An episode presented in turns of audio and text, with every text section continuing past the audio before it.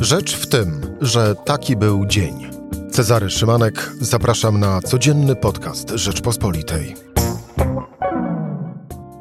Środa, 17 lutego. Czy konkordat działa? A może potrzeba na nowo napisać zasady współżycia Kościoła i państwa? Pytanie zasadne jako kolejne, które należy zadawać w kontekście sprawy księdza Andrzeja Dymera. Odpowiedzi na te wszystkie pytania będę szukał w towarzystwie doktora Jacka Kocharczyka, szefa Instytutu Spraw Publicznych. Rzecz w tym, że zapraszam Cezary Szymanek. Słuchaj na stronie podcasty.rp.pl. Włącz Rzecz w tym w serwisie streamingowym. I zapowiadany gość, dr Jacek Kucharczyk, szef Instytutu Spraw Publicznych. Dzień dobry, panie doktorze. Dzień dobry, witam. To zacznę od tego yy, no, prostego, ale też i krótkiego pytania, ale domyślam się, że odpowiedź nie będzie łatwa. Czy Pana zdaniem konkordat w Polsce działa? Ja zacznę może od tego, że y, myśmy w Instytucie Spraw Publicznych już do prawie 10 lat temu opublikowali taką analizę, jak wtedy funkcjonował konkordat od momentu jego podpisania. E, I e, konkluzja wówczas była moim zdaniem, e, jest moim zdaniem nadal aktualna. To znaczy, konkluzja była taka, że przede wszystkim w Polsce dotychczas konkordat wiązał tylko jedną stronę, to znaczy państwo polskie, które starało się z nawiązką wywiązywać z jego zapisów, natomiast, natomiast zobowiązania, które tam podjęła strona Kościoła, e, no nie do końca były e, przestrzegane, czyli konkordat nie, nie tylko jest problem z samą treścią konkordatu, który no jednak w pewien uprzywilejowany sposób traktuje Kościół katolicki w stosunku do innych wyznań e, w Polsce, to problemem jest takim, że ta umowa tak naprawdę nigdy nie była na serio, e, na serio egzekwowana. To znaczy, e, praktyka relacji państwo-kościół była, była zawsze inna i to jeszcze e, mówimy o okresie sprzed 2015 roku, czyli sprzed tego sojuszu PiSu, zwycięskiego wówczas PiSu z Kościołem katolickim ten problem z, e, w relacjach państwo-kościół w Polsce tak naprawdę istnieje od 1989 roku i konkordat to jest tylko no, jeden z aspektów tego, tej, tej zasadniczej nierównowagi e, tych relacji. Panie doktorze, czy w takim razie efektem tego, o czym pan przed chwilą teraz mówił, można uznać również sprawę księdza Andrzeja Dymera i, a właściwie raczej to, że nigdy nie poniósł kary za swoje haniebne czyny. Tak, to oczywiście jest e, problem, problem bezkarności księdza Dymera jest, e, jest e, jedną, jednym z wielu, chociaż oczywiście bardzo, bardzo bulwersującym, ale, ale częścią takiego właśnie systemowego problemu, w którym jest z jednej strony krycie przez hierarchię kościelną tych e, przypadków księży pedofilii. E, z drugiej strony e, no, nieegzekwowanie przepisów prawa obowiązującego wszystkich obywateli, bo prawo polskie takie przestępstwa jak gwałt na nieletnich karze z całą surowością. Natomiast, natomiast tutaj tego działania państwo prawa okazało się i okazywało się bezsilne wobec E, przestępstw pedofilii wtedy, kiedy, kiedy ci pedofile byli e, jednocześnie funkcjonariuszami Kościoła katolickiego. I to pokazuje moim zdaniem e, na to, że, że ten problem nie jest problemem ani jednostkowym, ani problemem kilku czarnych owiec, tylko no, problemem systemowym, jeśli chodzi o zarówno wewnętrzne relacje i wartości w Kościele katolickim, jak i, jak i relacje państwo-kościół. Państwo poniosło porażkę na przykładzie e, sprawy księdza Dymera? Tak, to państwo po, poniosło porażkę. My widzimy, że właściwie od, od czasu, kiedy ponownie prokuraturę podporządkowano ministrowi sprawiedliwości, a ministrem sprawiedliwości został Zbigniew Ziobro, prokuratura raczej chroni pedofilów w sutannach niż, niż ściga te przestępstwa. Natomiast, natomiast ściga jednocześnie ludzi oskarżanych o E, obrażanie uczuć religijnych, między innymi, między innymi przez, przez e, mówienie o e, no, sytuacji krytyczne, mówienie o sytuacji w kościele katolickim, bo to nie tylko oczywiście dotyczy pedofilii, ale chociażby stosunków do mniejszości seksualnych, do kobiet i tak dalej. Tutaj prokuratura potrafi być nadzwyczaj aktywna E, o czym wiemy chociażby z toczącego się w tej chwili y, procesu Elżbiety Podleśnej, którą właśnie się sądzi za obrazę uczuć, e, uczuć religijnych. Także widać, że tutaj prokuratura nie tylko nie, e, nie interweniuje, kiedy przestępcami były osoby należące właśnie funkcjonariusze Kościoła katolickiego, ale można powiedzieć, sama z siebie stała się takim zbrojnym ramieniem E, kościoła i hierarchii e, katolickiej, i która, która często de facto wskazuje cele dla, e, dla działania prokuratorów, to znaczy aktywistów czy aktywistki gender, czy LGBT, czy generalnie osoby, które publicznie wyrażały krytyczny stosunek do Kościoła. Dlatego pewnie powinienem raczej powiedzieć, że nie państwo, a politycy ponieśli porażkę. Politycy którzy kierują tym państwem. Zresztą, jak słusznie pan zauważył, od 1989 roku, bo to nie jest tylko i wyłącznie kwestia ostatnich lat, chociaż ostatnie lata to jest zaostrzenie tej e, sytuacji, jakby przeciągnięcie liny jeszcze bardziej poza, poza granicę, ale tak naprawdę ta sytuacja trwa rzeczywiście od 1989 roku.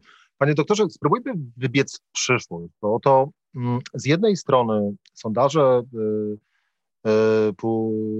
opinii publicznej pokazują, że wśród tych e, młodych wyborców do 25 roku życia e, mocno wzrósł odsetek tych, którzy utożsamiają się z poglądami lewicowymi na przestrzeni ostatnich 4-5 lat. Idąc dalej, ulica wrze i ulica wrze głównie i przede wszystkim z powodu e, orzeczenia, e, bądź też jak właściwie e, mówią, decyzji Trybunału Konstytucyjnego Julii Przyłębskiej w sprawie ustawy aborcyjnej.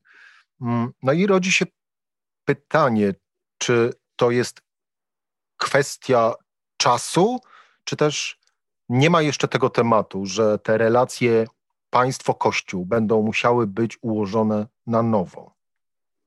E, moim zdaniem tak będzie, to znaczy te relacje, te relacje zostaną ułożone na nowo. E, to widać po tym, co e, sądzi na temat Kościoła i religii katolickiej, chociażby właśnie młode pokolenie, bo to nie tylko jest wzrost postaw religijnych, ale także rosnąca krytyka i sceptycyzm wobec Kościoła, chociażby wzrastająca nawet e, e, krytyczne opinie, krytyczne opinie wobec Jana Pawła II, które, e, które kiedyś, którego kiedyś młodzież silniej nawet niż, niż starsi Polacy bronili chociażby przed odpowiedzialnością za krycie różnych afer pedofilskich. Dzisiaj widzimy, że, że ta, ta krytyka młodych ludzi wobec i Kościoła i nawet postaci e, papieża Polaka e, rośnie. E, I też rośnie dystans wobec religii jako takiej.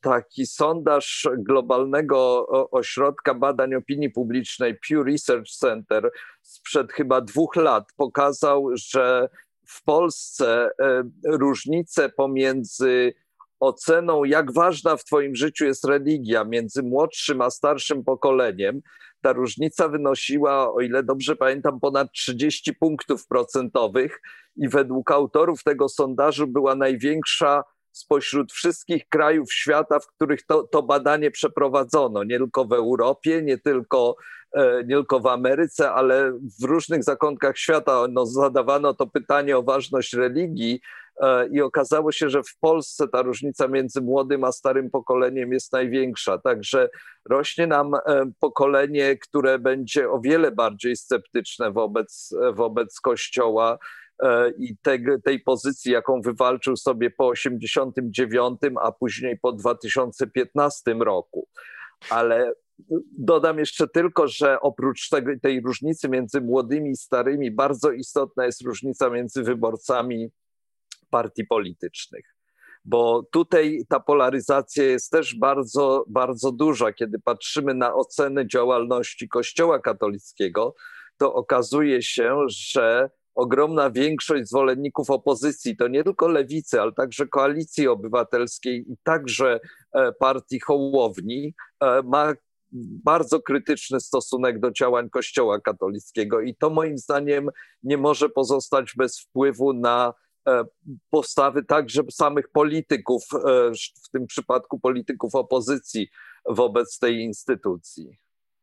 No tak, ale z drugiej strony, zanim zanim przyjdą kolejne wybory, zanim to młode pokolenie dorośnie e, i włączy się do życia publicznego, by nie powiedzieć wprost życia politycznego, no to obecnie rządzący mogą na przykład zrealizować pomysł, e, który ostatnio Ministerstwo Edukacji e, obwieściło, a mianowicie na przykład wprowadzenie religii na, na maturze.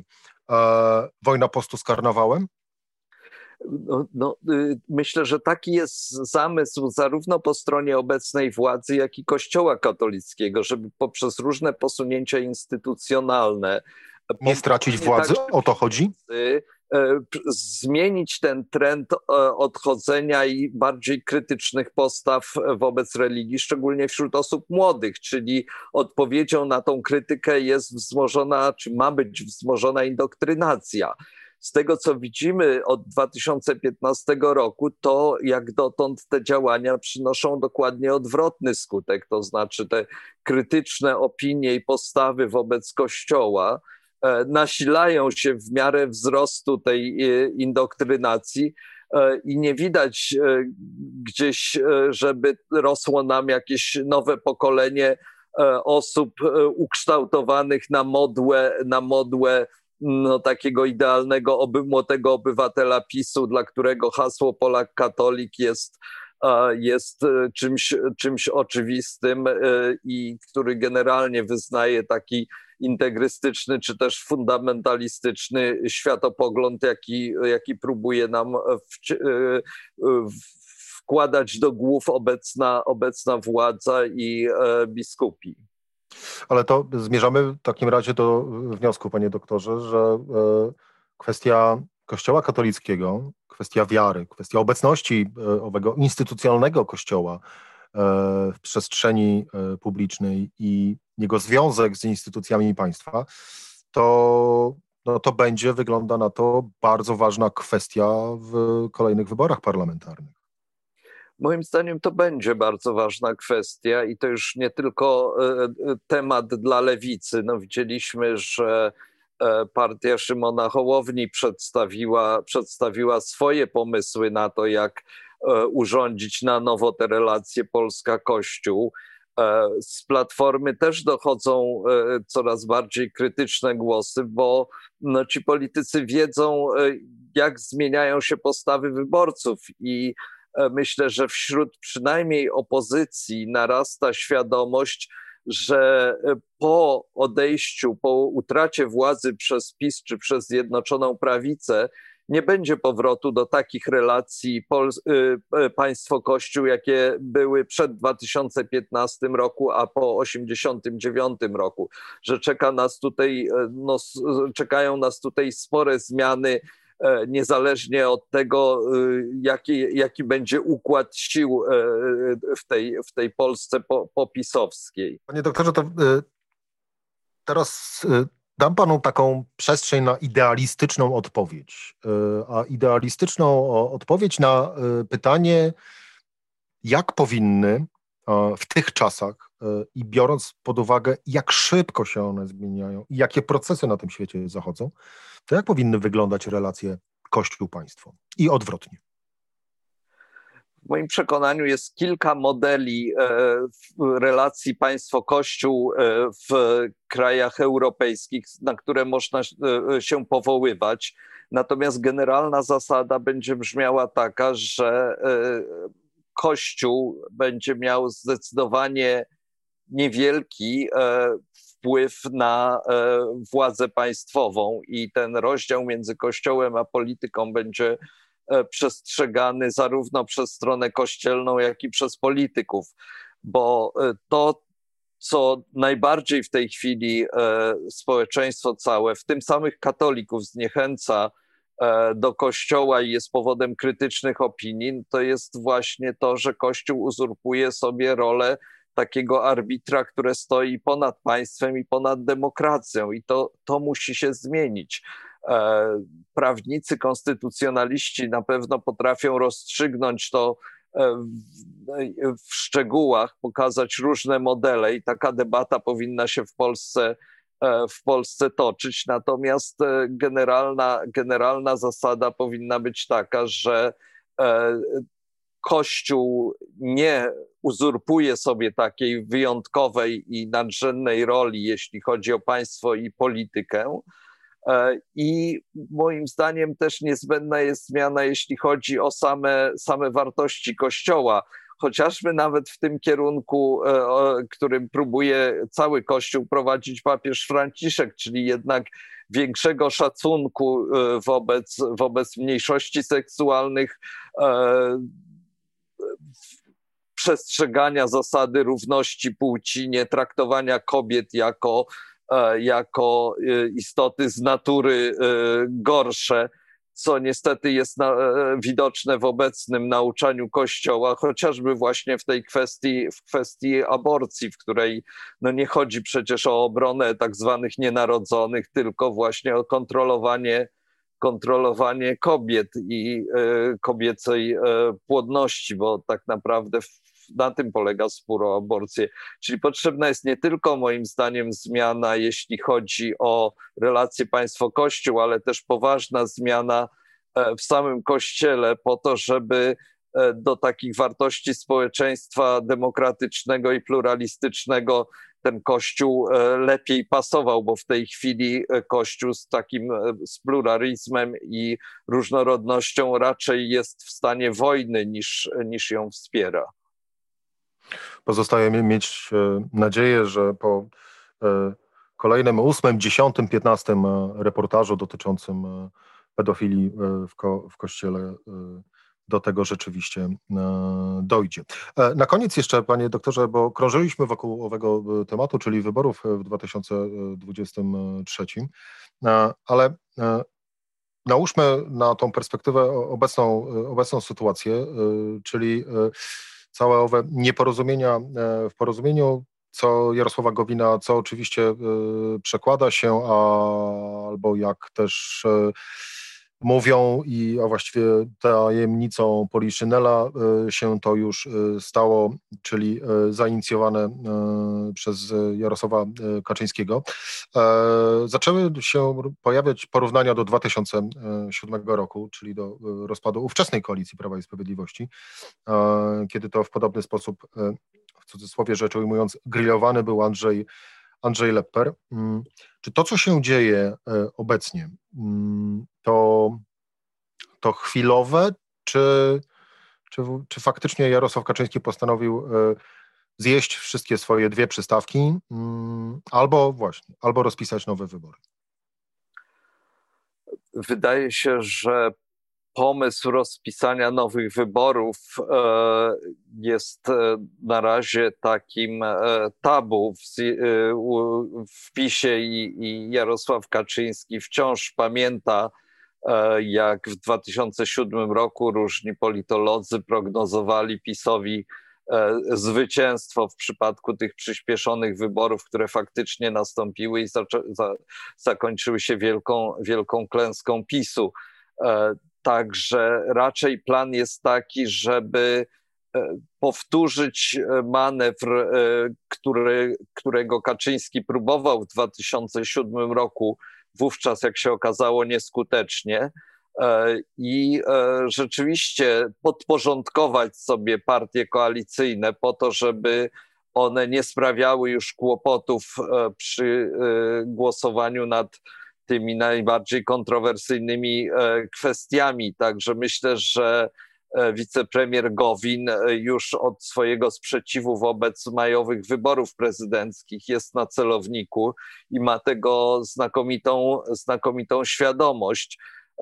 Natomiast, natomiast ta sytuacja z buntem Bielana pokazuje też, że Jarosław Kaczyński być może nie jest tak skutecznym politykiem, nawet jeśli chodzi o zarządzanie Zjednoczoną Prawicą. Nie jest tak skutecznym politykiem, za jakiego go się e, często uważa, bo e, no tutaj raczej, raczej e, widać, że ten bunt spalił na panewce.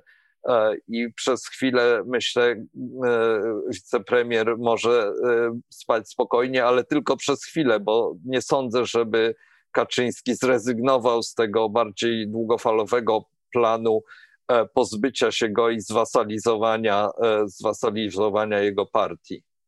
No bo jak mówią Jarosław Kaczyński, takich rzeczy właśnie jak e, ubiegłoroczny sprzeciw Jarosława Gowina nie zapomina. Doktor Jacek Kucharczyk, szef Instytutu Spraw Publicznych, bardzo dziękuję za rozmowę. Dziękuję bardzo, pozdrawiam. To była rzecz w tym w środę. Cezary Szymanek. Do usłyszenia jutro o tej samej porze.